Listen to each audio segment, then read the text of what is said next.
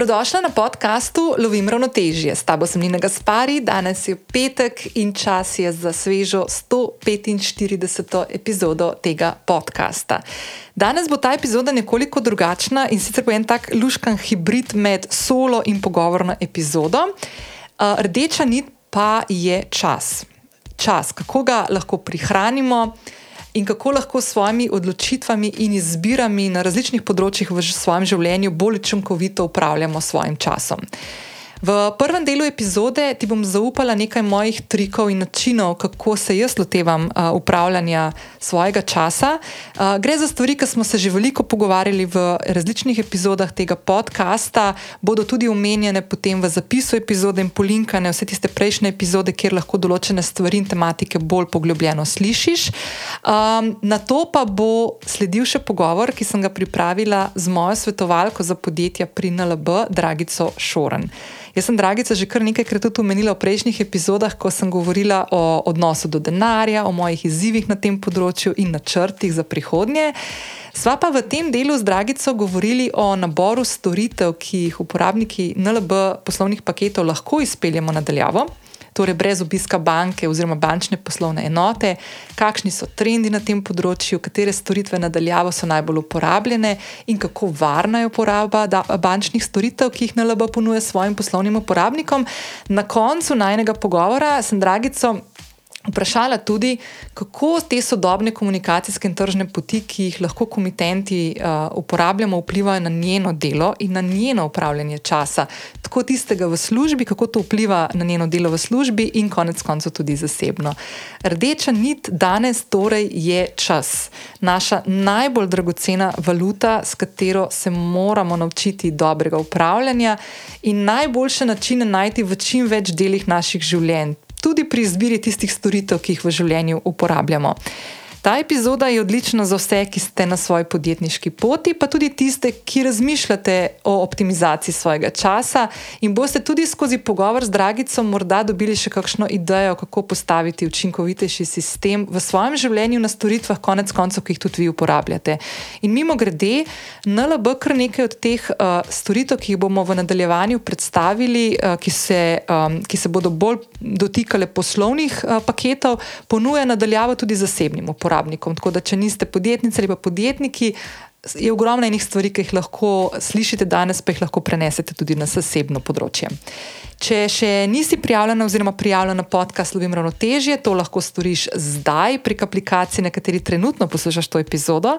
Vedno sem vesela tudi ocen in mnen, ki mi jih lahko pustiš na podcast aplikaciji ali pa se mi oglasiš na zasebno sporočilo na Instagramu, kjer se ti bom najhitreje lahko odzvala in odgovorila na tvoje vprašanje ali pa sporočilo.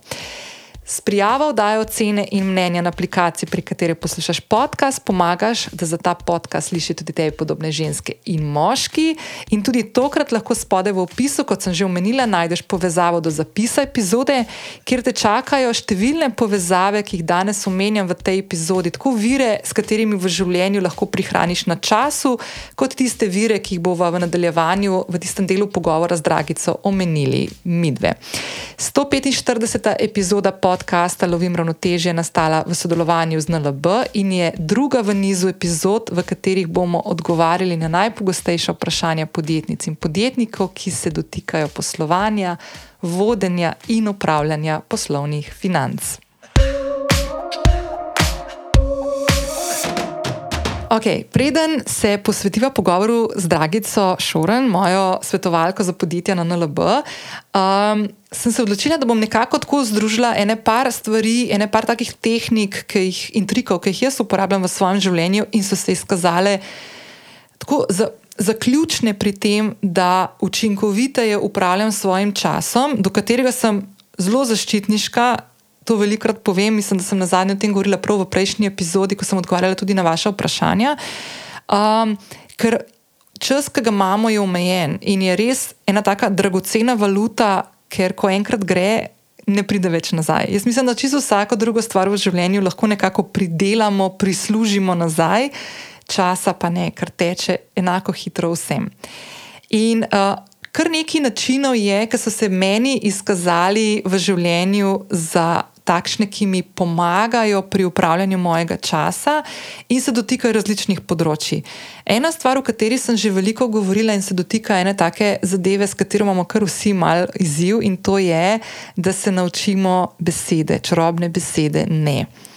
Uh, jaz sem veliko o tem govorila v kar praktično v velikem večino epizod preteklih, najbolj pa v deveti epizodi podcasta, ki bom tudi polinkala v zapis epizode, ki je bila v celoti namenjena besedi ne.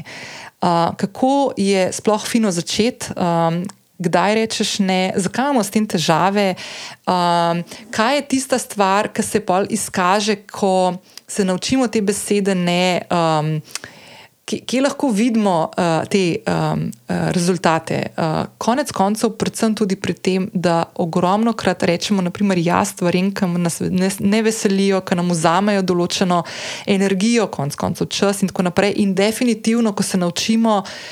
Um, Nekega postavljanja, nekih mej tudi s tem, uh, prihranimo s tem tudi na času. Zdaj, eno stvar bom tukaj omenila, ker sem naletela na njo glih v teh dneh, ko sem se pripravljala na ta podcast. Je, da v bistvu um, ljudje običajno ne težko izrazimo, tudi zaradi tega, ker nimamo postavljenega nekega konkretnejšega sistema, kaj je za nas pomembno in kaj ne. Uh, zato tudi včasih težko rečemo ne nekomu, ker bomo imeli občutek, da smo tako zelo subjektivno se odzvali na neko določeno vprašanje, vabilo, tematiko in tako naprej. Zdaj, če si pa postavimo neko. Kompleksnejše razumevanje stvari, ki so nam v življenju pomembne, ko se zavemo, kaj je tisto, kar, za kar hočemo porabiti, konec konca, naprimer, svoj čas v tem primeru, potem bojo naši odgovori, ko bodo tudi odgovori, ki vsebujejo besedo ne, uh, objektivnejši in bo fu lažje nam uh, to sporočiti, predati to sporočilo tistemu uh, sogovorniku ali sogovornici, stati za tem in ne imeti pri tem slabega občutka. Ker predvsem ta slab občutek je običajno tisti, ki nas nekako. Demo temu reči, ko iz uh, podomače nas malo nazaj včasih drži, in, temu, in potem to težko speljemo in, in rečemo, da, da rečemo nečemu ne. Še ena stvar, ki je tudi fina se naučiti, um, da beseda ne je lahko samostoječ stavek.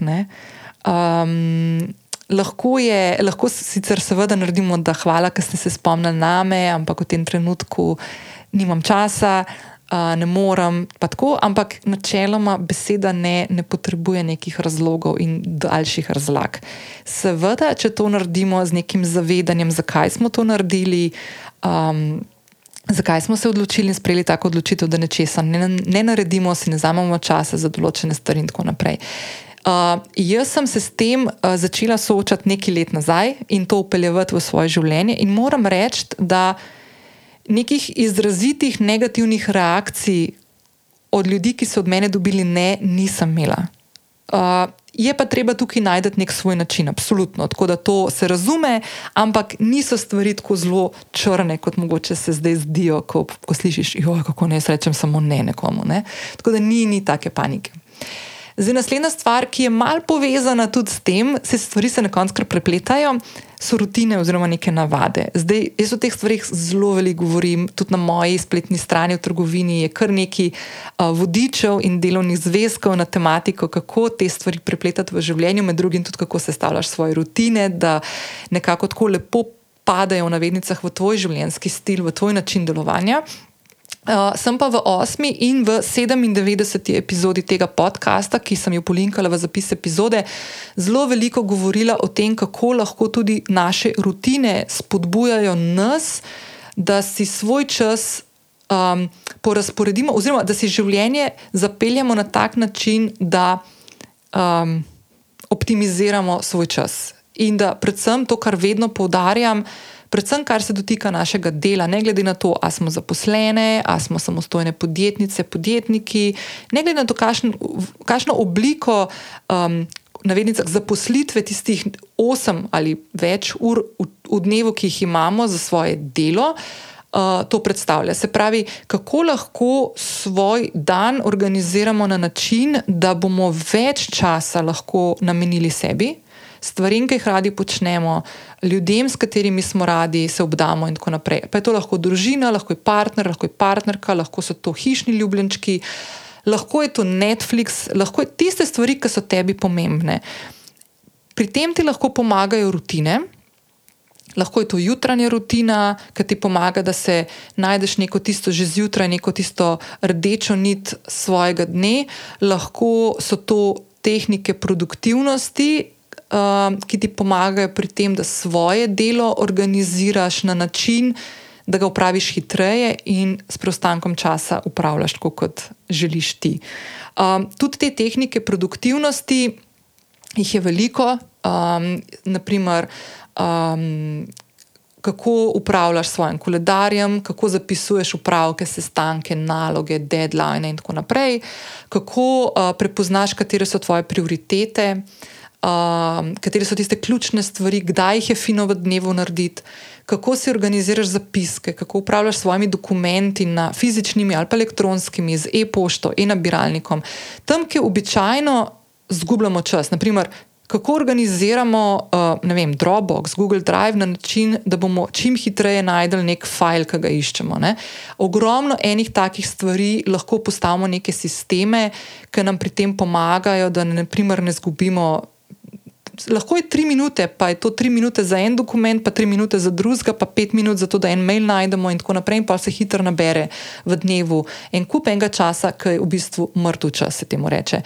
Um, zdaj, jaz sem pripravila vodič in delovni zvezek na uh, področju produktivnosti, ki te pomaga postaviti tvoje sisteme. Jaz sem ga naredila skupaj z mojo sestro Majo, ki je tudi samostojna podjetnica, pa samo hranilka in ima čist drugačen življenjski stil. Tako da so se tega skupaj lotili, zato da je res narejen tako, da nekako pomaga odgovoriti na vprašanja praktično vsakega, ki se sreča s, to, s tem izzivom.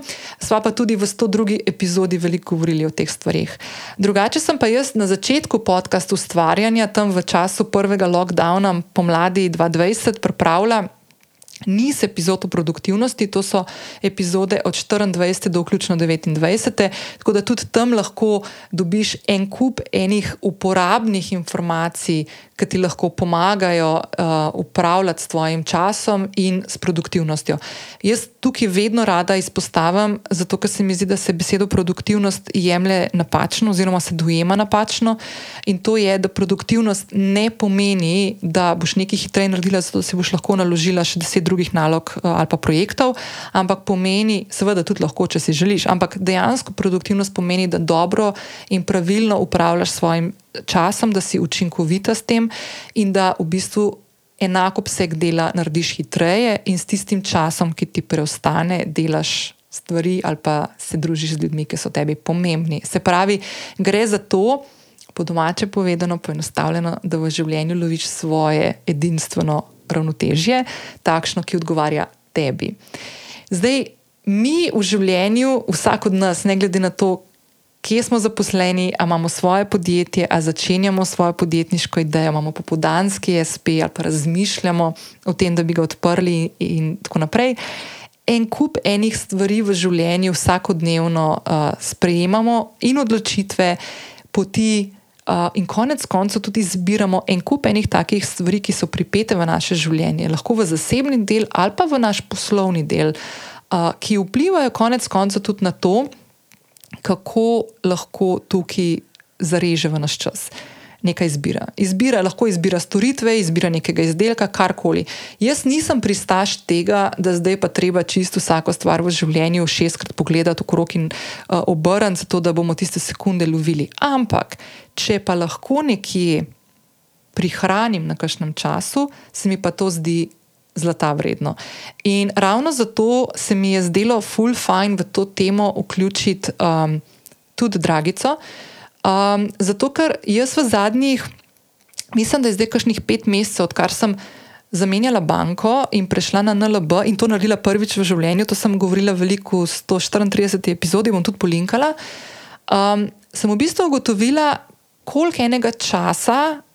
Um, mi je šlo prej za določene stvari, konkretno, naprimer, samo na uporabi bančnih storitev, ki jih nisem mogla upraviti, naprimer, konkretno nadaljavo, ampak sem dejansko mogla iti v neko bančno enoto. In primer, bom povedala zdaj zelo iskreno, nekaj, kar nisem v pogovoru z Dragico omenila, pa sem imela v mislih cel čas, da to omenjam, ampak, naprimer, brez da izpostavljam, za katero banko je to šlo. Jaz sem, naprimer, bila zelo velikokrat poklicana, da pridem v uh, poslovalnico podpisati kakšne dokumente ker so me hoteli vseeno, kljub temu, da do, določene stvari so imeli digitalizirane, absolutno so me želeli za določene stvari videti in sem mogla neke stvari izpolnjevati in imeti tam uh, osebno tudi uh, nek uh, stik z, z tisto uh, osebo. Večkrat se mi je zgodilo, ker je šlo za neko regijsko banko, da so se zmotili in da sem mogla iti z avtom eno uro se zapeljati na sedež mojega stalnega bivališča, pa so potem ugotovili, da me stvari čakajo v Ljubljani. Uh, Um, tudi banka je imela poslovalnico tam, ker naprimer, uh, jaz, ko sem imela avto, je bilo sicer ok, sem šla, pa sem se prepeljala, pa plačala tisti parking in tako naprej. Ampak konec koncev, zdaj, ker naprimer konkretno nimam avta, mi je to bi bilo zelo več kot eno uro, da bi prišla do, tistega, do tiste lokacije v eno smer in tako naprej. Tako da tukaj se vse te stvari na koncu seštevajo, da ne govorim o tem, ne, da konec koncev, ja, eno je čas, drugo je pa tudi pol fokusa. Ne. Vsaka taka stvar, ko moraš neke stvari narediti, ti vzame osredotočenost z neke druge stvari. In tako kot jaz govorim pri upravljanju časa, kar se tiče dela, kako grupiraš neke podobne stvari skupaj v koledarju, zato ker vsak ta premik ga naredimo med enim tipom dela in drugim, ali pa naprimer, da delam doma neke stvari in potem, uh, in potem uh, grem tudi, naprimer, na, uh, moram naprimer skočiti na neko pravek fizično. Te stvari zahtevajo nek miselni napor. Ne? Torej, uh, ni samo to, da jaz grem od doma, ko sem nekaj delala in moram skočiti na banko, nekaj urediti, ampak gre dejansko za to, da se moram potem, ko pridem nazaj, naprimer, toliko več energije vložiti v to, da spet grem nazaj k tistemu delu, ki sem ga prej upravljala in ostalo. Tako. In to vsak dan, neštetokrat se to zgodi. In če lahko najdemo nekje neke točke, kjer lahko kakšno stvar naredimo bližnjico in se s tem prihranimo na času, na energiji, na korakih, na, na dodatnih delih in uvinkih, ki jih naredimo v življenju, zakaj tega ne bi naredili. In uh, jaz te bom zdaj povabila, da skočiš z mano skupaj v pogovor z Dragico. Uh, meni je blazno zanimivo bilo se pogovarjati z njo o teh stvarih, zato ker kljub temu, da sem uporabljala že take stvari tudi v preteklosti, sem v bistvu ravno zdaj v zadnjih parih mesecih ugotovila, da so lahko uh, storitve bančne nadaljavo še bolj enostavne, še bolj priročne, še bolj prijazne. Meni, kot uporabnici, ki mogoče nisem tista uh, najbolj, uh, uh, kako ne rečem, uh, ne, ne, ne zahtevna, ampak znam uporabljati te storitve, ampak vseeno včasih mi je šla kakšna stvar v preteklosti na živce, pa mi je vzela mogoče kakšen korak več, kot bi ga sicer lahko imela bolj poenostavljen. Ampak kako vse se te stvari lahko tudi skozi take odločitve, kakšne storitve ali pa izdelke uporabljamo v življenju, poenostavijo in konec koncev se nam tudi poenostavi lahko čas, ki ga s tem prihranimo. Tako da. Uh, Vabim, da prisluhneš tudi uh, pogovoru z Dragico, mojo osebno poslovno svetovalko, oziroma svetovalko za podjetja na NLB-ju, in uh, se slišiva ob koncu tega pogovora. Ok, Dragica, najprej ful hvala, da si si vzela čas in uh, tukaj na uh, tvoji poslovalnici v Fužinah našla prostor, priti mač miren, da lahko malo poklepetava. Z veseljem, Nina. Uh, jaz sem tebe že kar nekajkrat uh, omenila v podkastu, tako da evo, zdaj si tukaj in sem full vesela. Drugač pa ena stvar, ti moram kar takoj povedati. Jaz sem včeraj, ko to snemava, mi dva en kakšen dober teden, preden gre to eter snemava. Včeraj sem na eni večerji uh, z mojimi sošolkami s faksom se prvič dobile po tem COVID-u, po okay. treh letih, po mojem. In sem rekla, veste, kaj pa noč ne morem enega kozarca vina, ker imam jutro eno snemanje, pa tako, pa kaj pa imaš, pa tako povem, pa na LB, po čem pa boš imela. Pa sem rekla, ja, o tem, kako lahko prehraniš na času zaradi uporabe storitev, ki jih na LB omogoča poslovnim in koncev zasebnim uporabnikom, ampak danes bo bolj poslovne. In mi reče kolegica Špela, tako naredi. Hej, a veš, da jaz sem pa tudi zadnjič si dvignila limit prek videoklica in je bilo tako dobro, ker mi ni bilo treba nikamor in smo se prav zaklepetali, pol tem se mi je tako fajn zdel. Odlično, res je. Ja, ja. Da, evo, včeraj, tako čisto slučajno, sem nekaj tim prav umenila. No. Super. super. Da, zdaj bom pa tako, preden gremo mi v te debate, ker smo se pripravili, me ena stvar zanima, kako si. Odlično, odlično. Uh, Mal sicer se sem ti omenila um, tako uh, zadržanost, še, ampak verjamem, glede na sproščen pogovor, da bo vas super, super zaštartali in speljali tale naj in pogovorček naprej. Veš, kaj tam najprej vprašala, dragica? Mi dve sva se spoznali tam enkrat maja meseca, ko ja. sem jaz prvič v življenju banko zamenjala in sem te stvari tudi govorila. Res je. Tako da bom jaz tudi polinkala v zapis epizode za vse tiste, ki niste to poslušali, da greste lahko poslušati, kako je to izgledalo, ker sem prvič banko spremenila, se srečala z enim kupom svojih strahov in omejitev, kako sem to prešla. Uh, ti si tle bila eden od odločilnih faktorjev tega in uh, ti si moja svetovalka na podjetniškem delu. delu tako, tako. Kaj, tvo, kaj, kaj ti počneš tako pri svojem delu? Kaj je tisto, kar ti je tvoje področje delovanja in strokovnosti? Pravi, ko smo se mi dve spoznali in začeli našo NLB pravzaprav tvojo NLB poslovno pot, ne z nami, um, smo odprli se pravi poslovni račun in takrat si ti dobila svojega poslovnega skrbnika, kar sem pač jaz in to je naša naloga. Torej, naloga našega poslovnega skrbnika je, da skrbimo za podjetje SPDO od A do Ž, torej od začetka do konca. Torej, karkoli s podjetjem se dogaja, se obrneš na poslovnega skrbnika. Uh -huh. Vsak komitent ima v NLB-ju določenega svojega skrbnika, ki res skrbi za njega v celoti. Uh -huh. Naj si bo to financiranje, naj si bo to kakršna koli sprememba, kontakt je, torej uh -huh. mail, telefon. In pridemo v stik in stvar rešimo. In to je za vsake, za vsake ker to zdaj tako razloživa. Ne, ne glede na to, da imamo neko sodelovanje z NLB-jem, jaz v tem primeru, to nisem bila jaz posebej. Jaz sem ne. isto kot vsak ostali, kot SP, ki je kot normiranka, sem prišla, sem dobila tebe Točno in mi dve delava od takrat naprej. Torej, vsak komitent, ko v NLB odpre sklene poslovni račun, takrat dobi svojega poslovnega skrbnika in dejansko se vedno v kakršnem koli primeru obrne na njega. -huh. Preko maila, preko telefona, direkt stika ne? ali uh mhm. -huh. osebno, seveda. Uh mhm. -huh. No, zdaj, jaz takrat, eh, kako je to izgledalo, pa kaj sem jaz mogla vse prenesti s sabo, zato da si ti lahko meni sploh odprla, ker nekaj preverjanja se vseeno to gre, gre skozi. Tako. Te stvari so bile že posnete v tisti epizodi, ki sem jo tukaj bom polinkala. In če koga to zanima, ne gre tja, pa posluša, kaj so tiste stvari, kot naprimer SP, pa normirans, konkretno to je pač moja oblika, jaz sem to opisovala, kaj more prenesti za to, da lahko, naprimer, Dragica ali pa eden od njih sodelavcev, pa sodelavk, pomaga podjetniku, podjetnici, da odpre račun. Tako da ne bova danes tukaj. Danes tukaj bova zaradi ene stvari, ki je meni tudi ful všeč in to je, jaz si tako ful govorim včasih in tudi v vodu te epizode sem povedala, da meni je čas. Jaz sem tako ful zaščitniška do tega. In ena od stvari, pri kateri meni NLB kupi v navednicah, je tudi to, da se ogromno stvari prvo kot prvo je zelo enostavno stvari delati prek že teh aplikacij, uh, elektronske banke in tako naprej, kar bo danes omenili. Ampak druga stvar, pa je, je, da imaš dosegljivost nekoga na drugi strani, človeka z imenom in primkom, ki te pozna, ki ve, kdo si in ki te spremlja. In to je neka taka stvar, kljub meni, ki nisem neka velika podjetnica, meni to ful veliko pomeni. Da ne rabim čez nek klicni center, ampak da imam nekoga tam, ki je tako, ne, tako. na drugi strani. Zdaj, um, danes, jaz se ne bi danes fokusirala v pogovoru na to, kakšen tip podjetnika ali pa podjetnice je, ki pride na NLB, ampak bomo govorili o podjetnikih. Ali okay, je to zdaj SP okay. ali pa DO. Tako. Se pravi, poslovni segment, poslovni račun, poslovne storitve. Tako, dejansko mikrosegment. No. Mi in tudi, recimo, tvoj SP je na mikrosegmentu, tudi mm -hmm. jaz mhm. sem predstavnik uh, poslovanja z mikropodjetji. Aha, ti si prav svetovalka tako. za podjetja, ki so mikropodjetja. Tako, tako. mi mm -hmm. imamo v sklopu NLB-ja uh, seveda več oddelkov mm -hmm. in so določeni mejniki, do katerega pač uh, določeno podjetje oziroma podjetnika obravnavamo. Torej, eh, poslovanje z mikropodjetji, to smo mi, sem tudi jaz. Imamo pač mala podjetja, manjše DO-je, SP-je, normirane SP-je, do nekako skupne izpostavljenosti 100 tisoč evrov. Aha, ok. A bova povedala, kaj to pomeni? Lahko, seveda, absolutno. To si ti mi že razložila, ja, pa jaz ja, nisem ja. takrat razumela, veseljem, kaj to pomeni. Z veseljem. Se pravi, izpostavljenost pomeni, da um, vključujemo, mi smo vedno, se pravi, SP um, ima nosilca dejavnosti, in mi smo kot banka dolžni tvoriti skupino povezanih oseb. Zdaj, da to malo bolj po domače povem, se pravi, da vključimo SP in pa dejansko fizično osebo, uh -huh. kot predstavnika tega SP-ja. Vkolikor je pa še ta SP povezan s kakšnim drugim podjetjem, uh -huh. da ima morda še drug SP, je tudi to potrebno vključiti v skupino, mi rečemo. No?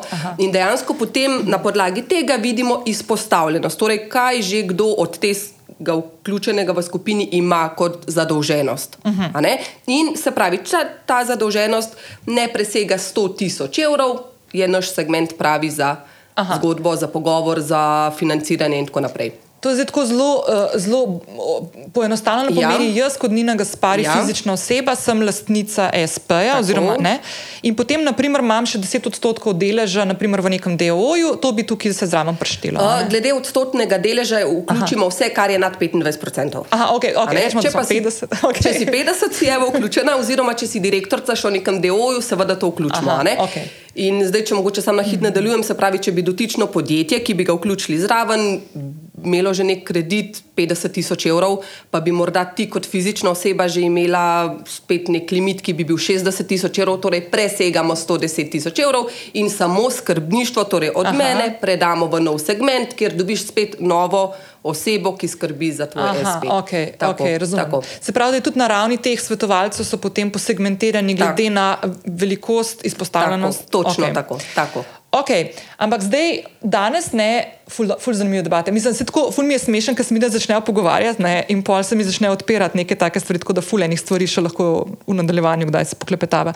Ampak danes, na primer, deva se mi dve fokusirati, zato ker govoriva o tem, kako lahko en podjetnik prihrani na času z uporabo NLB storitev. Zdaj, jaz, ki sem prišla iz banke, kjer sem bila prej, ne bom niti omenjala, ker brez veze, naprimer, jaz takih storitev nisem imela. Zdaj, če kdo to posluša tukaj, pa to ima ni samo po sebi umevno, več kot očitno, ker jaz mhm. malo več kot pol leta nazaj teh stvari nisem poznala. Ne?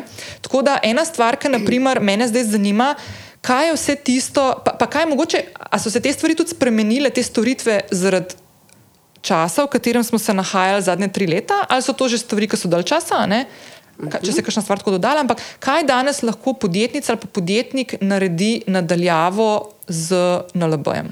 Zdaj, seveda, vse skupaj čas je več kot dragocena. Um, vsi se borimo v tem hudem tempu, tako da dejansko v NLB-ju res um, stremimo k temu, no, da v bistvu preko teh sodobnih tržnih poti, torej NLB, mobilna banka, NLB, Klik Pro ali elektronska banka, NLB Pro Klik, se pravi, preko tega um, lahko večino stvari uredimo sami, kar pomeni, da je res dejansko prihranek časa varnostni element je tle uh mhm. -huh. zagotovljen in pa ažurnost. Uh -huh. In dejansko najbolj poudarek pa se mi zdi, da zdaj dajemo mobilni banki NLB Click Pro. Uh mhm. -huh. In sicer kaj, zakaj? Telefon, mobilni, skoraj da vsi vedno in povsod nosimo s seboj.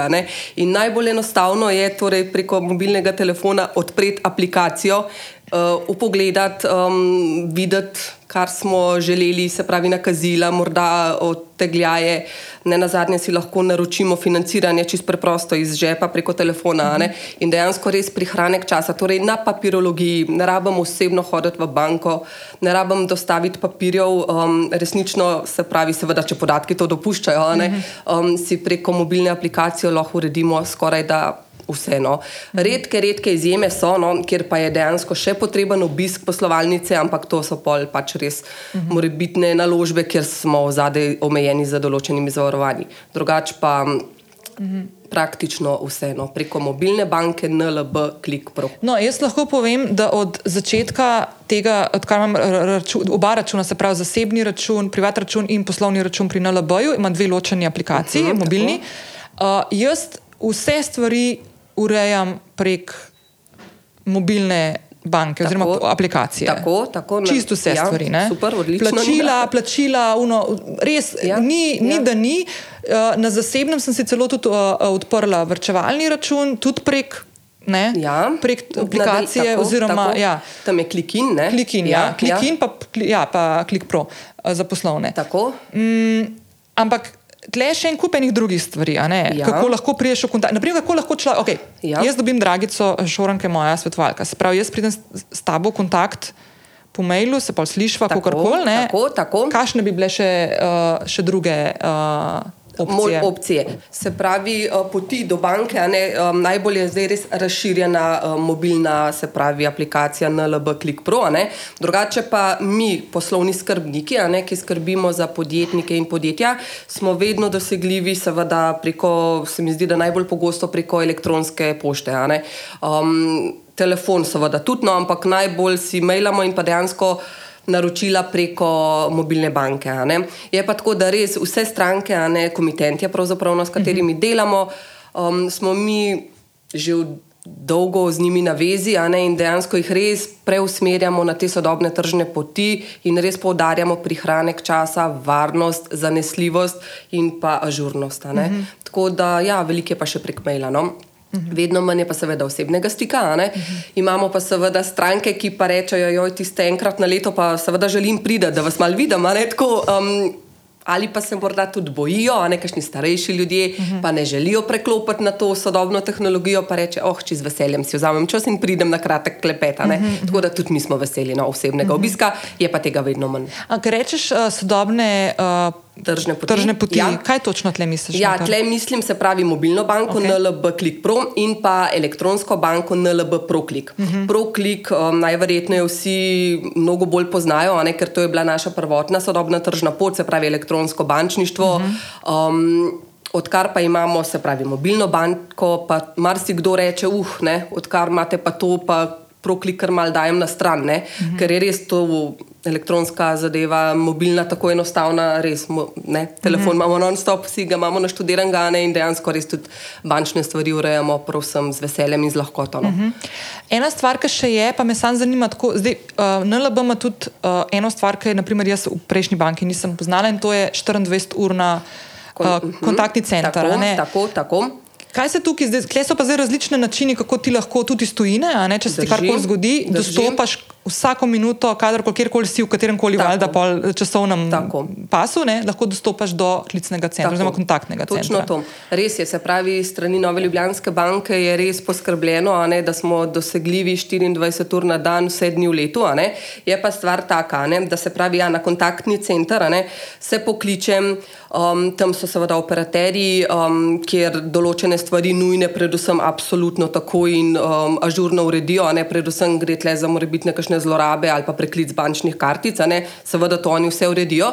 Kar se pa drugega tiče, je pa stvar taka, da ja, tam se pač eh, z dotičnim eh, komercialistom o zadevi pogovori, le tam pa preusmeri osebnemu skrbniku za uh mhm. -huh. podjetje, ne, kar pomeni da prvi delovni dan, seveda po tem naročilu, jaz kot skrbnica dobim preko naših sistemov uh mhm. -huh. naročilo oziroma popraševanje oziroma reklamacijo, uh mhm. -huh. katero potem prioritetno pač um, stopim v kontakt s stranko in um, zadevo rešimo. No? Uh mhm. -huh. Tako da ja, kontaktni center za nujne stvari ja in tudi marsikaj se preko videoklica da urediti. Uh -huh. no? Um, vse ostalo, kar se tiče pa recimo raznih naložb, um, pooblastil in tako naprej, pa mi, skrbniki, dobimo uh -huh. naročilo no? uh -huh. in potem seveda ukrepamo in rešujemo mhm. situacijo dalje. Zdaj, omenila si te že malo trende, ne? se pravi, ja. da se zdaj, če smo naprimer. Poslovni uporabniki oziroma komitenti ja. že poznali uh, elektronsko banko, uh, ProClick, Tako. da zdaj vedno bolj se stvari prenašajo na mobilno bančništvo, se pravi na ClickPro. Ja, tako. To je trend. Tako, zakaj? Namreč mi imamo v ponudbi tudi določene NLB poslovne pakete. Mhm. In se, sama veš, no, recimo nek mali SP-ček, recimo, ko pridem, on še niti mrzkdo ne ve, kako bo stvar tekla, se uh mhm. -huh. na novo sooča s, pač, s poslovno potjo, ne? pa reče, ajde za štart pa dajmo osnovo. In ta naš prvi osnovni uh mhm. -huh. paket se prav reče NLB paket osnovni in le ta vključuje sodobno tržno pot samo NLB Click Pro, torej, torej elektronsko banko. Uh -huh. In mrzkdo z tega vidika štarta. Seveda, če se bo čez čas začel širiti um, vklopi zraven računovodstvo, najpogosteje potem računovodje pa delajo preko proklika, mm -hmm. takrat pa pol tudi mi.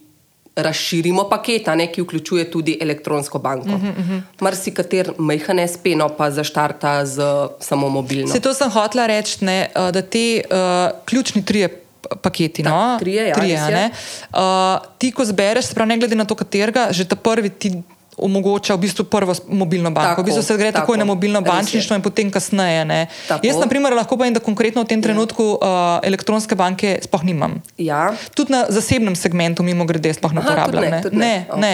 Okay. Tako da sem se kar navadila tega ja. mobilnega in mi v bistvu čisto odgovarja, plus to, da imam res skozi pregled, pa to mi je res tako fulsedeno. Ja, ja. Tako da, ja. Um, A si hočela še kaj reči? Ne, um, pač pravim tako, ker je res, um, seveda na štartu je pa samo bila elektronska banka, ne, ni bilo druge opcije in zato seveda so vsi imeli proklika, mm -hmm. mislim, večinoma. Čisto vsi ne, ne, ampak večinoma pa ne zdaj, se pravi, odkar pa imamo tudi mobilno banko, je pa res um, bolj um, poudarek mm -hmm. na tem. No, in tudi feedback strani komitentov je res več kot fenomenalen. No. Veš, kaj mi je še všeč uh, pri mobilni, uh, mobilni banki, oziroma pri uh, obeh aplikacijah, ki sta ločeni za zasebni ja, račun in za poslovni. Tako, tako. Ena stvar, ki mi je všeč, ki tudi prej nisem poznala, je, da je sistem, oziroma ta čista izkušnja uporabnika, praktično identična. Ident, drži. Drži, drži. Ker jaz se spomnim, da so mi naprimer, eno, eno platformo zamenjali in je bila čist drugačna. Ne vem, jaz sem tako prav, prav vsakič sem imela, zdaj priva spet nazaj na to, kako sem jaz do svojega časa. Vsakič mi je šlo na živce, ker sem mogla se spomniti, kako že zdaj tle naredim, kjer pin moram zdaj tle vklopiti, kjer ali imam geslo, imam tukaj, tam imam pa pin, ali pa tam imam face recognition, tle moram utipkati geslo. Mislim, tako, ful je bilo tako res. Smotan mi je bilo. Ja, no? ja. Vse ja. smo razvajeni, ja, pa na koncu ja. prideš res do tega, da si razvajen, ampak ne, v bistvu je to res to, da čim več stvari narediš rutinsko, jih, oziroma ti postane navada, niti ne razmišljaš več o tem. Ja, ja. In tle je naprimer, ena stvar, ki meni ful, ful všeč in se mi zdi ful, ful, da besno in pohvale vredno. Zdragica, v tem podkastu govoriva veliko o tem, kako lahko prihranimo na času, če uporabljamo uh, NLB poslovne pakete. Vsaka podjetnica in podjetnik, ne glede na svojo velikost in hitrost rasti podjetja, potrebuje zanesljive in vedno pri roki bančne storitve, ki nam lahko omogočajo enostavno, ugodno, priročno poslovanje in tudi prihranek časa. V NLB so v ta namen razvili tri pregledne pakete, ki vključujejo storitve, ki jih najpogosteje uporabljamo in najbolj potrebujemo pri vsakodnevnem poslovanju, upravljanju financ in iskanju priložnosti po dodatnih finančnih virih. Vsaka poslovna stranka NLB za učinkovito realizacijo svojih poslovnih ciljev dobi tudi neposredni dostop do svetovalca, moja svetovalka za podjetje Dragica, ki jo danes lepo tudi ti spoznavaš. Vse dodatne informacije in predstavitev rešitev, ki ti bodo kar najbolj najbolje odgovorili na tvoje vprašanja in potrebe, pa vedno lahko najdeš na nlb.si pošiljnica poslovni minus paketi. Zdaj pa nadaljujeva s pogovorom z Dragico. Mal bi se še vsem vrnil na, na to um, mobilno pa elektronsko um, banko. Se pravi, um, ki, določene stvari prek mobilne banke, pa vse, oziroma ja, mobilne banke, vse ne morejo ne. Tako, zdaj tako, se pravi. Kadar govorimo o nekem novem financiranju, ne, seveda tisti, ki nimajo pogojev, tukaj v zadnje so pol bilance, pa ne bova najbrž zdaj v tem, ne to, razpravljali. V glavnem, seveda, tak komitent si ne more sam odobriti financiranja preko mobilne banke. Uh -huh. To je res uh, tisti, ki imajo pogoje, imajo to možnost. Tako da to in pa um, se pravi, načeloma si tisti, ki lahko odobrijo sami. Tudi podpišajo pogodbo, to pomeni, da res se povsem izognejo obisku poslovalnice. Um, razen v primeru, ko moramo naložbo zavarovati uh -huh. z nekim, zaenkrat ni, vendar, še plusno, tudi to se razvija. No? Tako uh -huh. da gre, seveda, um, res tudi naši tehnologiji, ne vedno bolj tudi to mobilno aplikacijo in pa sam proces uh -huh. razvijajo. Tako da mislim, da v bližnji prihodnosti se bo tudi na tem skoraj zagotovo dal kaj narediti, no? da bo dejansko res si pol tudi. Um, Naložba za zavarovanje lahko odobrila um, preko mobilne banke. No. To in pa um, karton deponiranih podpisov. No? Zdaj, da to, ja, ja slišiš se grozno, no? ampak to je osnova. Se pravi, ko se poslovni račun odpre, um, je vedno zraven v podpis komitentu izročen tudi karton deponiranih podpisov. To je, se pravi, podpis, kjer se ročno komitent podpiše, da lahko tudi nadaljavo karkoli naredi preko maila, um, mi pa v arhivu. Identificiramo original in pa dotični podpis. No? Tako da to pa mora biti original zaradi varnosti, in tako naprej. Ne? Mislim, da vse v bistvu gre v to smer, da se čim več tega, teh korakov znotraj poslovalnic preusmerja na, na druge tako, kanale. Tako, res je, res je. Um, držim tako, da se v bistvu dejansko, in to je to, kar že vse čas v bistvu govoriva, govoriva prihranek časa. Mm -hmm. uh, vedno manj časa za marsikaj imamo, a ne stojimo v vrsti. Zakaj bi stalo v vrsti, če si dejansko mm -hmm. lahko sam nadaljavo stvar ažurno uredil? Mm -hmm. In ja, tudi vrste, seveda so še stari ljudje, sploh ko so pokojnine, ne, veš, da mhm. čakajo. Ne, Valde, ja. Predvsem zaradi druženja, se ne zaradi drugega, recimo. Ampak ja.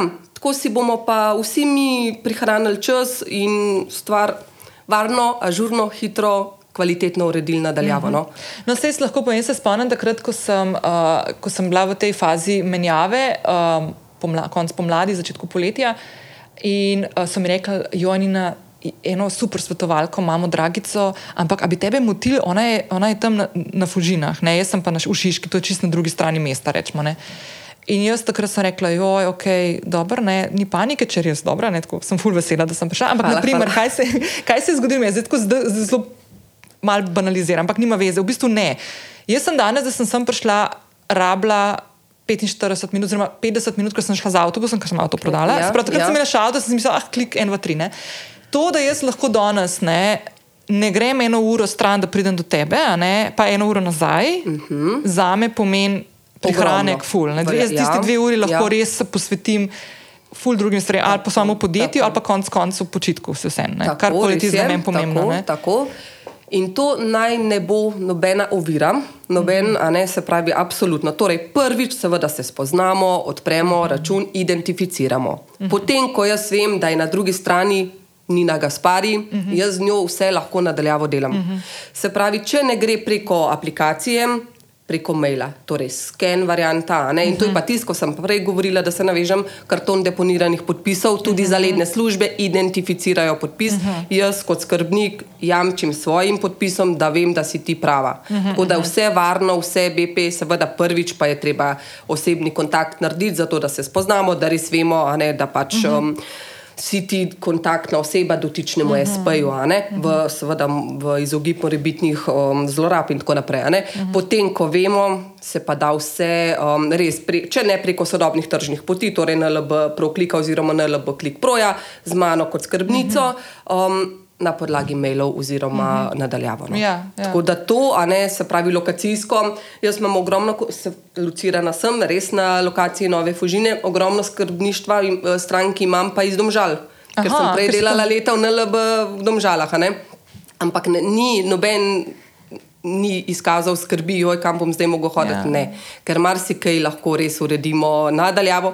In vedno bolj tudi glede samih pogodbenih ne, dokumentacij je zdaj NLB uh, klik pro idealen, ker dejansko tudi pogodbo podpišajo tam. Uh mhm. -huh. In se res izognemo um, skoraj osebnemu stiku. No. Tle si izpostavlja eno ja. ful dobro stvar, ki se mi zdi ful pomembna tudi pri takih stvarih, ker človek včasih dobi občutek, da se vse stvari nekaj digitalizirajo, pa da ratejo ne osebne, ampak v bistvu ni res. Ne? Ker, naprimer, to, kar se zdaj omenja, da si ti delala v Domžalah in da imaš ogromno ljudi v takrat, ja. ker zdaj si že kar ja. nekaj časa ja, tukaj. Ja, dolg, res je, res je. Da vse ta stik in zaupanje, ki ga imaš v človeka. Je ful pomembna stvar in določenih stvari ne moreš spustiti. Ne? Zato tudi verjetno menjava banke in skrbnikov in tako naprej ni tako zelo enostavno. Siguren, da ni. Absolutno. Ne? Ja. In tle meni ful všeč to, ne? ker naprimer jaz si tudi zdaj ne predstavljam, pa čeprav smo imeli ne zelo veliko stikov zdaj v teh ja. parih mesecih, ja. konc koncev tudi jaz mislim, kar načrtujem, da mi bo šlo ful dobro naprej. Ne? Da, da bom imel tega več. Predala. Da te bom hitro predala. Ne, ne, ne, v bistvu ja, zdaj mogla si kapco narediti gora, veš, da bom presegla. ne, ampak tako res je, človek se navadi določenih stvari, da zaupanje se vzpostavi in tako ja. naprej. In zdaj, ki pride do zaupanja, pride še ene ful pomembne stvari, ki si jo danes že parkrat omenila in to je varnost. Ja. Ker se ja. mi zdi, da prva stvar in tudi veliko poslušamo o tem, koliko je treba biti ful, pazljiv, pa uno, pa tako naprej. Deva še mogoče eno stvar mhm. tukaj izpostaviti kako. Mm, Kaj vse, kje so vsa varovala, ki jih ima uporabnik teh sodobnih tržnih poti, govorijo tukaj predvsem zdaj mobilno bančništvo, tako, pa elektronsko ja, bančništvo, tako. ki so tukaj postavljena zato, da na koncu stvari res potekajo varno zanesljivo. Ja. Zdaj, varnost je absolutno prioritetna, Tle gre le ne na zadnje za naše finance. Mhm. In seveda je eh, strani varnosti poskrbljeno, tako da z tega vidika ni nobene bojazni, nobenega strahu. Namreč zakaj? Ker pri mobilni aplikaciji NLB Click Pro vsak pooblaščenec za uporabo mobilne banke potrebuje varnostni paket z generatorjem enkratnih eh, gesel OTP, s katerim aktivira svojo mobilno banko. Torej, to je je to generator, se pravi, um, enkratnih gesel.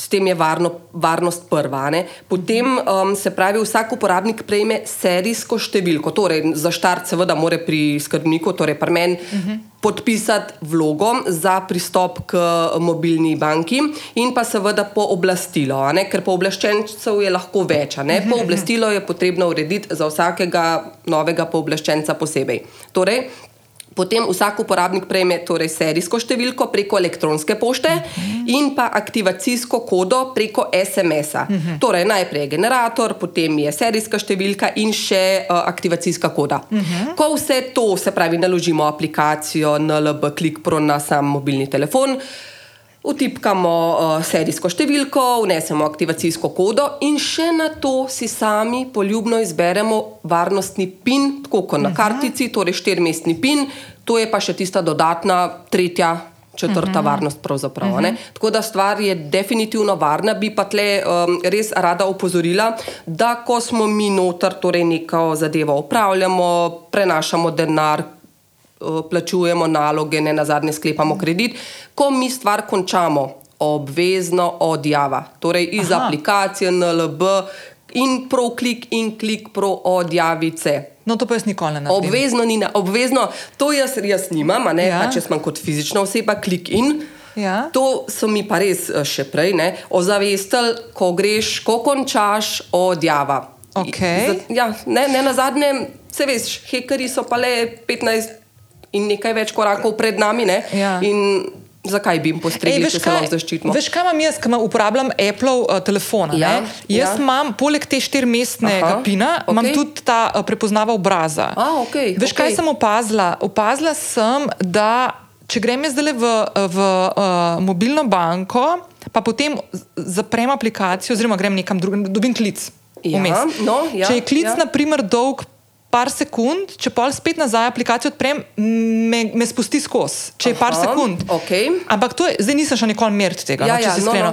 Ampak po mojem, če je večkrat pol minute, moram spet face recognition. Okay, oziroma, to je, to je pa to imaš pač ti še super, ja, top. To imamo. No. Ja, ja, super, mogoče super. zato nisem niti pomislila, da bi še ja, dodatno se objavljala. To pa ja, to pa ja. ja. Um, sam se veš, no, mrz kdo pa nima, ja. sploh mogoče kakšni ja. ne tako vešči tehnologije, ne, in, lej, ali pa jih nekaj vmes zmot, lej, mm -hmm. varno se odjavi in mm -hmm. veš, da si. Um, Miren, no? ja, ja, ja. da ne bi do česa prišlo. No? Ej, prej si govoril o po, teh pooblastilih, ker naprimer jaz pri sebi imam trenutno.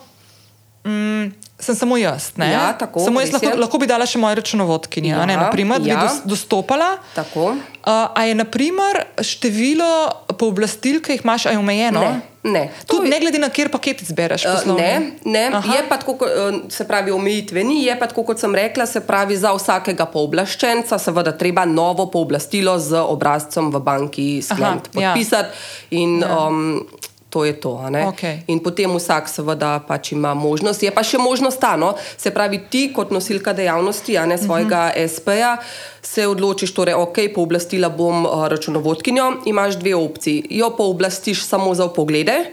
Ali jo dejansko pooblastiš tudi za izvajanje finančnih transakcij? Se pravi, plačila, prejemanje. Tako, tako, a ne mrzdo računovodstvo pooblasti mm -hmm. zgolj zato, da lahko pogleduje v same transakcije zaradi knjiženja. Aha, ok, tako. razumem. Ja.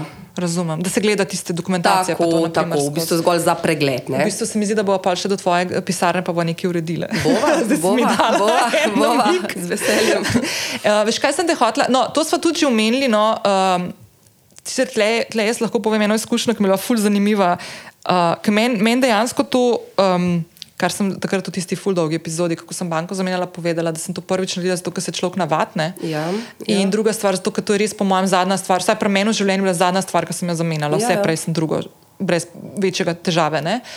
In ena stvar, ki je bila meni fulj zanimiva, je bila ta, da sem jaz mal potem, ko sem banko zamenjala uh, in prenesla vse denar, rečemo po domače, na nova dva računa, zasebnega in poslovnega PRNLB, sem šla na potovanje. Uhum, super, ja. Po mojem, ne deset dni potem ali pa okay. 14. In me, jaz sem takrat sicer še imela stara dva računa odprta, zato ker sem imela še gornji kredit in nekaj stvari. Uh, tako da sem se naredila malo lehkejši, res smo tako malo um, uh, fluiden prehod. Ampak sem čisto vse stvari takrat delala prek že mobilne banke na LB. Uh -huh. Sprav, in ja. Klik Pro in, uh, in uh, čakaj, zdaj spet ProClick. Uh, ne, ne. Proklik, proklik, um, ti proklika nimaš, ti da. Ni, jaz se nismo, ja. nismo nek, um, elektronska, ja, tako, točno, tako, ja. tako, elektronske tako. nimam. Ne. In smo pol sam na mobilni zaštartali. Ja, imam uh, klik in za zasebno, pa tako, klik pro za tako, poslovno, tako, tako, ja, tako, aplikacijo. Tako, tako. No, vse sem takrat seveda večino stvari zasebno delala, ja, ne, ampak ja. dejansko sem čisto vse stvari delala No. z mobilno banko in dobivala konstantno poročila za tako, vsako plačilo, tako, ki je bilo tako. na SMS tudi in tako. Tako da v bistvu sem bila tako zelo ne. Čeprav si bila oddaljena in uživala, ja. si imela vse pod nadzorom. Ja, in nič nisem rabila. Ampak, Tako. če naprimer, bi se mi pa zgodilo, sem Ja. ja. bila v Evropi, ampak če Ja. bi se mi pa karkoli zgodil. Nekje na poti, kot so prej rekli, dejansko imaš dostop do, uh, do kontaktnega centra, kjer te usmerijo. Tako, točno to. Ne, kjer ta res. pune najbolj urgentne stvari, če se karkoli zgodi, je tja itak najprej. ne. Tako. Ja. In še nekaj, no, se pravi, uh, plus um, NLB, klik proja je tudi ta. Torej, ne vem, pozabiš pin, se ti telefon. Z, z, unič, um, pa imamo novega, mi moramo potem na novo aplikacijo, ja. seveda, naložiti in rabiš spet nove kode. Uh -huh. Si v tujini, nobena težava, še vedno pokličeš na kontaktni center, kjer ti naročijo nove kode. Aha. Oziroma na videoklic se identificiraš z osebnim dokumentom ne, in mm -hmm. se naročijo nove kode. Um, in nemoteno posluješ dalje. No. Ej, kako to izgleda? Ti video klic narediš, ja, pa pokažeš na videu. Tako, pokažeš... tako seveda. Aha, pač, okay. okej. Moš imeti kamero ne, in Ja, tudi ja, ja, oni vidiš, uh, se pravi, osebo na drugi strani, oni tebe in se seveda Aha. pokažeš osebni dokument, um, identificirajo in tudi sama osebno, no, sem na um, osebnem delu klikin. Pozabila kode, oziroma vem, telefon menjala, ne pozabila menjala telefon. Je šment, ne bila je nedelja, nujno sem rabila nek prenos narediti in evo, preko Mhm. videoklica, identifikacija, nove kode, še v parih minutah je bila stvar urejena, Hudo. tudi uh, s prenosom in tako naprej. Tako da to je res full, full plus. No. Um, ne, da se izognemo res nekim nevšečnostim, zagatam. No. Um, Ja. tako. Ne, meni se zdi to, dobro, zdaj ko upam, da bomo začeli malo bolj potovati, pa to se mi zdi tudi ena taka stvar, kjerkoli ti si na svetu, ne glede na to, kakšna je ura. V Ljubljani, tako, naprimer, ne, ali pa ja, tam, kjer si, ja. ja. dejansko prideš do neke, pa da imaš vedno isto številko. Konc koncev. Ker jaz se tako, spomnim, tako. jaz se spomnim prejšnje banke, če ti se karkoli zgodi, to, to je bila ta fora. Ne, veš, imaš na kartici napisano številko, kamor lahko pokličeš, če si v tujini. In ta, ta, ta, mislim, lej, jaz, kaj, unos števil, veš, koliko ja. sem imela številk ja, shranjenih za prejšnje. Ja, ja. Ne, ne, ne. Tle je Ful, a veš. um, se pravi, naša številka kontaktnega centra.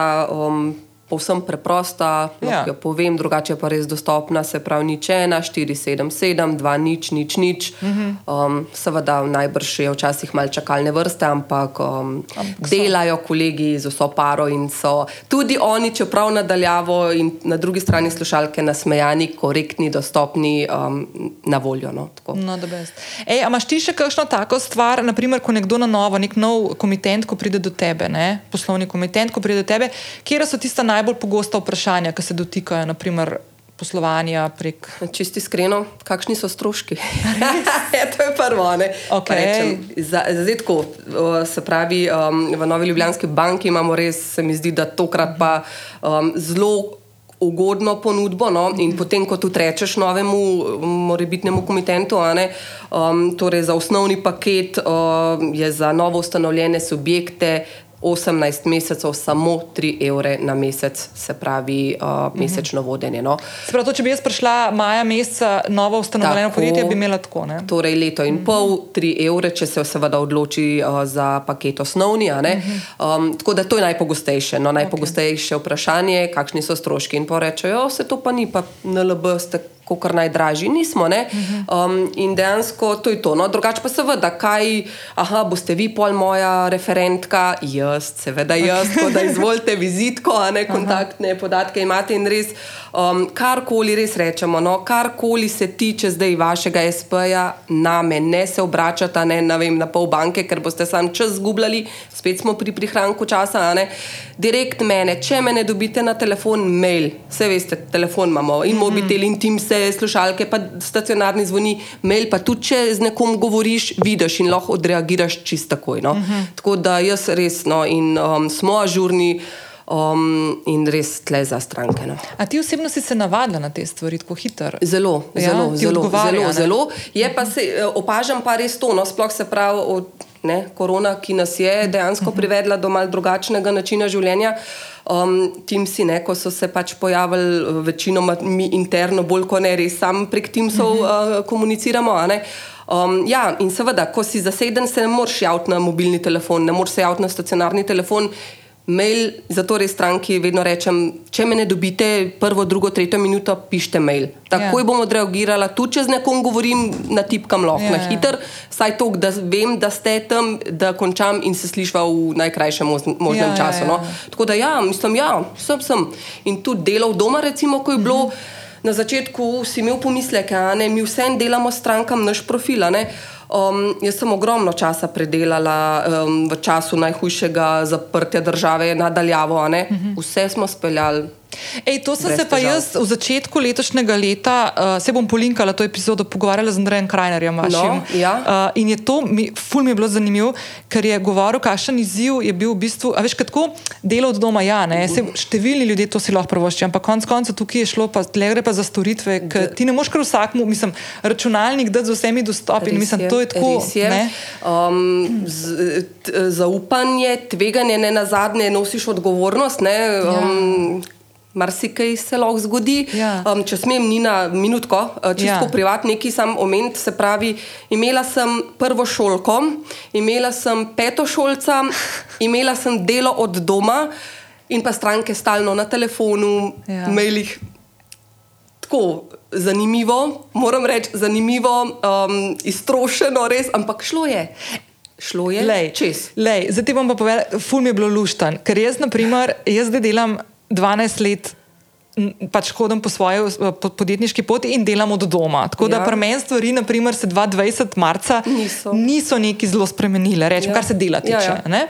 In jaz se spomnim, uh, tudi na začetku ni bilo teh nekih zoomov, pa timsov, vsaj jaz nisem imela v tistem momentu nekih zelo velikih um, sestankov, pa tega, ker sem jih neki menjavala svojo pot, pa drugačne storitve. Pa tako. Ampak sem pa imela pol enkrat aprila, se mi zdi, gli z vašimi, tudi z NLB-ja, prvi uh, Teams. Um, za okvir pomoči. Uh -huh, uh -huh. Ker letos že ta tretjič Ja, je, teče. res je. In jaz se spomnim, kako so zadnji otroci laufali. ne. A veš, in sem si tako, takrat je bilo po mojem prvič, da sem si, pa jaz nimam doma otrok, Ja, sama živim, ja. no, veš, luksus v bistvu, če tako gledaš. Ja. ne. Ampak tako sem si prvič mislila, wow, kako noro, ne, kaj vse se ljudje moramo prevaditi, navaditi, je, vzeti ja. in tako, da, da naredimo nek shift. Ne. Uh, res je bil izziv, no, sej eh, vsak, vsake nove stvari um, na začetku, seveda ti je jo nepredstavljivo, pa spelješ pol. In to je vse tisto, kar si rečeš, oh, še eno novo stvar zmorem, uh -huh. oziroma je šlo česa. Ne? Ni bilo lahko, ampak lej, zadovoljni so, mislim, mene najbolj skrbel, joj, pa bomo, ne mislim, otroke stalno na stran 105, 5, ne morem zdaj, ne. Um, stranko na telefonu, pa se bojiš, da ti bo otrok res kaj vzad komentiral. ne. Um, Ampak je šlo, res je šlo in jaz sem se, verjamem, tako dobro počutila, zdaj pa še čist povem, ko mi sem pa čakala, da pridem nazaj v pisarno. Ej, to sem Ko ti pa, sem čakala. to sem ti pa glih kar hotla reči, ker vsem tem, kar se zdaj mi dve pogovarjava, te sodobne tržne Ja, poti, pa ja, mobilna ja, banka, pa ja. to. Ti meni ful deluješ taka, da ful rada imaš ta oseben stik. Seveda, seveda. In tudi, verjamem, tako le. Zato sem pa tudi prej že omenila, ja, seveda, vsi se borbamo ne, s časom in se borimo, da res eh, ga čim več imamo za marsikatero stvar. Um, ampak ja, mrskera stranka, tako le komitent reče, ne pridem, pridem, zato ker Ja. ja. jaz rabim energijo njih in oni mojo. Tako, Ja, ja. Ne, in, in ja, je prijeten, ful je prijeten. In jaz sem res um, si želela priti čim prej nazaj, spet med ljudi. No, tako, Ja. In um, si ne predstavljam, no, da bi mogla delati samo doma, doma nadaljavo. Ja. Nikakor ne. Veš kaj, lej, se navadiš, tako kot jaz gledam, zdaj pa, ki sama večinoma delam, se navadiš. Je pa ena stvar, naprimer, ki pa je točno to zdaj. Jaz sem takrat v tistem lockdownu pa to ugotovila, da v bistvu, čeprav se moje delo pa to ni spremenil neki, ne, Ja. se mi je spremenil un del življenja, ki so pa stiki, ki sem imela pa ful močne, Ja. prepletene te socialne vezi, ki takrat so pač kolapsirale malo. Ja, ja, In evo tle, tle je bilo pa meni najbolj grozen. Ne. Ja, A veš ta ja, del, ja. Pol se šele začneš zavedati, koliko je to v bistvu pomembno. Uh, Uh, pomemben in res napolnite. No, vem, no, smo si pa seveda karakterno različni, ne, ampak ne. Jaz še zmeraj menim. In tudi tako, no, kljub se pravi prihranku časa, no, enkrat, dvakrat na leto, če pride nekdo, nek prijeten gospod, ne, ki, ki ga raz. Veselimo z nasmehom, no mislim, da je pa to čisto še dodana vrednost NLB-jevskega Ja. kadra, no, Ja. ki smo res srčni, vestni, odgovorni za stranke. Ej, zdaj pa ful dobro, da se mogoče sam zadnje vprašanje, da se vrneva nazaj na to ja. Rdečo nit čas. Ne? Ja. Veš, kaj me zanima? Zdaj, z vsemi temi spremembami v delu na tvoji strani, ja. ne, zdaj se so ful ja. poudarek dajale na uh, komitenta. Ne, Ja, komitentko. ja. na tvoji strani, a se tebi tako zdi, da se je tvoj delovni proces ful spremenil, oziroma kako čas poteka znotraj tvojega delovnega časa in Ja. koliko je tebi pomemben to? Ja, ogromno. Namreč eh, se pravi, mi smo bili velikrat, a ne. Pa ta papir, pa un papir, pa bonitetno oceno delati. Pa tako si bil z dotično zadevo tako obremenjen, da si dejansko velikrat stranko zelo na hiter. Hočeš, nočeš odpravo, kar ni bilo prav, uh -huh. ker si vedel, ojoj, pa moram še to, pa moram uno, pa tretje. Zdaj pa s tem, ko smo mi, se pravi, eh, vse to na mobilni banki nadgradili, da dejansko stranke veliko takih stvari lahko same uredijo, imam tudi jaz tiš čas, višek časa, ki pa včasih res z veseljem sprejmeš tako stranko in se ji kvalitetno posvetiš, uh -huh. pa res ne mogoče čisto strogo samo poslovno, tudi kakšen hec poveš, uh -huh. in s tem sam gradiš na zaupanju. No? Tako da ne, se pravi, se je, seveda se je, ne? in dejansko mi smo vedno. Stranke, sestanke, ko smo jih imeli, ne vse to ročno mogli podpisovati. Zdaj se izognemo temu, ker dejansko gre vse preko tehnologije, uh -huh. za stranko in za nas kot zaposlene. Uh -huh. Tako da um, bistveno lažje si organiziraš čas in bistveno več ga lahko nameniš trženju in oziroma kontaktu nadaljavo s stranko. No? Uh -huh. Kar je pa namreč hočem to še povedati. Ko ti pokličeš komitenta, s katerim nisi bil en let, let pa pol na vezi, pa ga pokličeš, pa ga samo vprašaš, spoštovani, ste v redu, iz banke kličem, vaša poslovna skrbnica, samo povprašam, da kaj potrebujete, ste zdravi, ste ok. Oni so res tako pozitivno šokirani, na drugi strani ne morem verjeti, iz banke so me poklicali, ja. ne da mi nekaj prodajo, seveda v nadaljevanju ne, je ja. naš namen tudi to ponuditi, ne na zadnje, no, ampak skrb. Ja. In dejansko mi temu rečemo redna skrb za stranko. No? Ja. In res skrbimo za stranke. Um, in ne na zadnje, tudi to sem pa dobila, mislim, da prejšnji teden en mail od um, enega, se pravi, direktorja enega podjetja. Ko smo, ampak to je pa vse se centralizirano, torej tudi obveščamo in čestitamo podjetniku, podjetju ob 30-letnici delovanja in jim pošljemo generirano elektronsko sporočilo s čestitko. Wow. To in res, um, zdaj le, prejšnji teden sem dobila en feedback od uh, direktorja dotičnega podjetja. Iskrena, iskrena hvala. Kakšna wow. lepa gesta. Mislim, to so te male, ki niso malenkosti, to so zelo premišljene zadeve, ja, tako, ne, tako, ampak to so odnosi. Tako, to so odnosi, točno uh -huh. to. In menim, no, da res na tem v sklopu NLB-ja ogromno delamo. In um, ja, mi, ne, kader je ključen, -huh. ki moramo energijo in pa to zagnanost, zauzetost pokazati, žarevati, um, če želimo pač skupno pot peljati tako dobro naprej, kot jo peljemo. Se pravi, zdaj čez 18 let pričakujem mail, ali pa mogoče takrat, kaj je že drugega. Do takrat zagotovo še kaj, še kaj dodatnega. Ja. Drugač pa, ja, ne, super. Lej, uh, dragic, jaz sem full vesela, da smo tole speljali, pa da smo speljali v živo, enako, zdaj te bom ja, povabila na ja, kavo. Z veseljem. Uh, tako da, uh, full hvala, pa itak uh, ob kakšni naslednji priliki bomo imeli, po mojem, še kakšne teme. No. Nadaljevanje, le ni nas veseljem. Tudi To še moram povedati. Uh, vedno bolj, ko sem tudi jaz tebe spoznavala, vedno bolj sem te začutila, da en, eno sonce energije si, no, res in prav tisto, kar čutiš, veš. Tako da hvala, da si prišla ne na zadnje v moje življenje. Ja, hvala tebi. Hvala. Evo, pa smo prišli do konca. Uh, jaz sem zelo uh, vesela bila, ko sem se z Dragico pogovarjala tam na Fužinah v poslovalnici na LB-ja. Mm, ful mi je bilo všeč ena stvar, ne? da zelo veliko se pogovarjamo o, o tem um, poenostavljanju in digitalizaciji storitev. Um, in je vse to super, ne? ampak kot je rekla Dragica, vsake toliko je pa full fine tudi imeti neke odnose. In meni je super, da imam uh, možnost, naprimer, konkretno.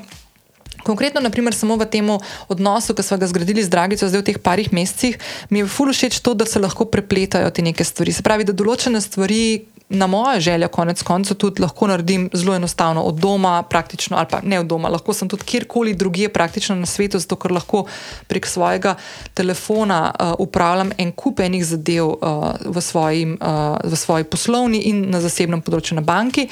In potem, takrat, ko je pa potrebno, ali pa ko imam neko željo, in tudi sem vesela, da je Dragica taka, da se rada sreča z ljudmi in da je to tudi veliko pomeni, se lahko oglasim pri njej um, ali osebno, ali konec koncev lahko pokličem ali na mail in tako naprej in se slišva in, in, in pomeniva. Tako da se mi zdi tudi taki odnosi, ki jih imaš lahko z nekim svetovalcem, konkretno naprimer, v tem primeru na banki, se mi zdi tako ful zlata vredni. Meni je super, da imam naprimer eno osebo, na katero se lahko obrnem za čisto vsako vprašanje, ki, ma, ki ga imam na tem področju.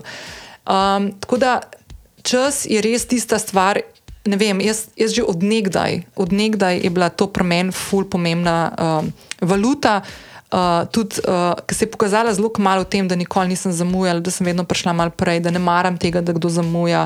In tako naprej. Res sem tako zelo zaščitniška do svojega časa in mislim, da so se te stvari skozi življenje, tudi s tem, ko sem šla na neko svojo samostojno podjetniško pot, ko sem šla. Um, Ko sem konec koncev potem začela tudi delati od doma in mogla začeti uporabljati svoj čas malo drugače, kot sem mogoče prej, so te stvari dejansko se začele še malo bolj razvijati, sem postala malo bolj kompleksna in so od mene zahtevali, da se še bolj poukvarjam uh, s to problematiko v navednicah oziroma izzivom upravljanja oziroma dobrega upravljanja mojega časa. Uh, in te stvari se meni zdijo tako, ker.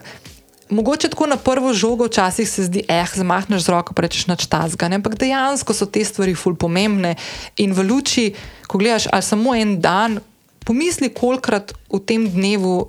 Zdaj si določene stvari, so ti vzele čas. Pa spet, jaz nočem zdaj tukaj, da robotiziramo sami sebe, ne? ampak dejansko je ogromno enega tega mrtvega časa, enega tega mrtvega teka, ko ali čakamo, ali iščemo neke stvari, pa si rečeš, pa že stojiš stokrat sem to iskala in še vedno se ne morem zapomniti, kaj nekaj imam. Ali pa, pa hudiče, zakaj moram spet jaz se zdaj odpeljati, ne morem imeti nekega načina, da te stvari uredim hitreje ali pa brez da nekam, da nekam moram, moram se zapeljati. Naprimer, Tako da en kup takih stvari v življenju se zgodi. Ker če vsak prvo zdaj le čist malo pomisli, pa si naredi nek preseg, kje so tiste stvari, ki jih v življenju počnem, kje izgubljam svoj čas, ma sigurno boste našli kakšne zadeve, ki bi se dali optimizirati. Um, tako da jaz še enkrat za vse tiste, ki mogoče ste danes prisluhnili, sploh temu delu pogovora z Dragico, no, pa je tudi Dragica parkrat umenila noter. Um, poleg tega, kakšne so te storitve, pa tako še enkrat lahko skočite, če vas zanima, pa ste podjetnice in podjetniki, lahko skočite na nlb.si, pošiljnica poslovni minus paketi, preverite, kje so tiste stvari, ki bi vam ustrezale. Ob upoštevanju tega, da je ogromno stvari, ki smo danes govorili, na voljo nadaljavo za podjetnice in podjetnike, in tudi prek mobilne aplikacije oziroma mobilne banke, kar je res ful dobro. Kot sem rekla v pogovoru, jaz praktično vse stvari, ki jih v tem trenutku potrebujem, naredim samo prek mobilne banke. Um, druga stvar, ki sem jo omenila, ene par epizod sem omenila in v tistem prvem delu pogovora uh, uh, oziroma epizode, ko sem vam predstavljala nekaj takih mojih trikov, kako upravljam s časom, kje so tiste stvari, tehnike, urodja, ki so mi pri tem bile v pomoč. Uh, pa z, z Dragico smo jih nekaj omenili, ampak. Um, vse te stvari, ki so danes bile omenjene, ali epizode v podkastu, ali določene, določeni paketi, uh, poslovni paketi od NLB-ja, vse te stvari so polinkane in so že na voljo v zapisu epizode, ki ga lahko vidiš spodaj, v opisu tega, te epizode. Um, sem pa še eno stvar, sem jo omenila v pogovoru z Dragico, pa bom tudi polinkala in to je 114. epizoda tega podcasta, v kateri sem govorila z Andrejem Krajnerjem, ki je vodja komuniciranja na NLB in sva se tudi veliko pogovarjala o tem, kar je dejansko meni ful, ful pomembno bilo v pogovoru z Dragico. Se pravi, kako tudi banka koncu ali pa neko podjetje, kako izpeljajo neke na svoji strani neke storitve ali pa neke. Uh, sisteme, um, ki potem konec koncev nam, uporabnikom, strankam, kupcem, komitentom, pomagajo v življenju držati nek stik z ljudmi. Ker konec koncev ne. Mi lahko ogromno enih stvari digitaliziramo, uh, robotiziramo, ampak pristen stik, odnos s človekom na drugi strani je in bo ostal zlata vreden. In meni je takrat Andrej zaupal par stvari, s katerimi so se oni v zadnjih letih, sploh pa v zadnjih dveh letih in pol času pandemije, kaj vse so naredili na ravni podjetja, zato da so lahko svoji, njihovi zaposleni, konec koncev tudi nadaljavo od doma, delali in zagotavljali neke storitve njihovim uh, komitentom oziroma strankam, tako kot sem kon, konec konca tudi jaz danes. Ne. Tako da se mi zdijo take stvari ful pomembne, niso samo po sebi umevne in zahtevajo en kup enih prilagajanj in stvari na strani in podjetij, konec konca pa pol tudi na naši strani, ki te stvari uporabljamo. Tako da uh, še enkrat. Čas je najbolj dragocena valuta, ki jo imamo, ko enkrat gre, je ne moremo dobiti nazaj, ne glede na to, koliko smo bogati, pa premožni, vsem čas teče enako hitro, čeprav se včasih zdi, da mogoče ne. Tako da je ful, ful pomembno, da znamo upravljati s časom, da najdemo tiste bližnjice v življenju, pri delu ali pa v zasebnem življenju, ki nam pomagajo, da nam ostane več časa za stvari, ki jih radi počnemo, za ljudi, s katerimi se, se radi obdamo in da s tem v življenju krepimo to zavedanje, da živimo življenje v našem ritmu, ki je samo naše, ki je naše edinstveno in s tem lovimo to famozno življenjsko ravnotežje. Hvala, ker ste bili z mano do konca, lepo se mejte in se slišmo naslednji teden. Ciao!